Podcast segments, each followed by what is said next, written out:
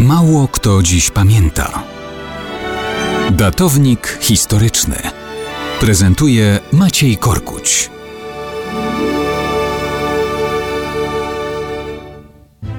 Mimo wielu filmów, mało kto dziś pamięta o Valerii Messalinie, trzeciej żonie cesarza Klaudiusza. Klaudiusz miał różne przejścia z kobietami.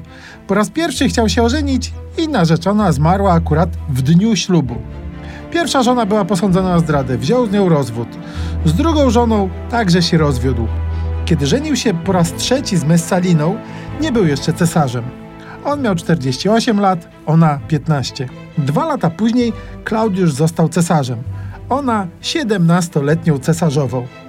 Jaką była kobietą? Hm, była, jakby to ująć, otwarta na wrażenia zmysłowe w nadmiarze. Klaudiusz musiał zajmować się polityką.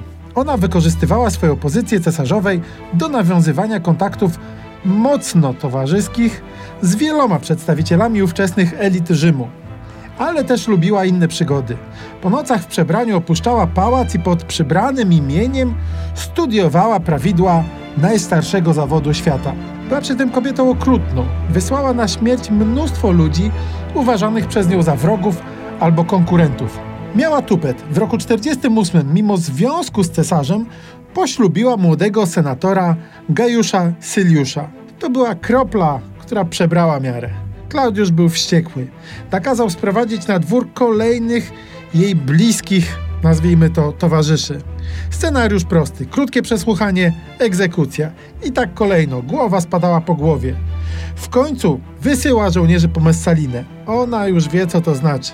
Kiedy oficer staje w progu, sama ujmuje sztylet w dłonie.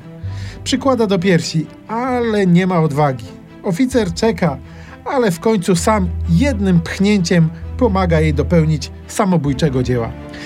No tak, wyraz miłości to nie był, ale akt miłosierdzia na pewno.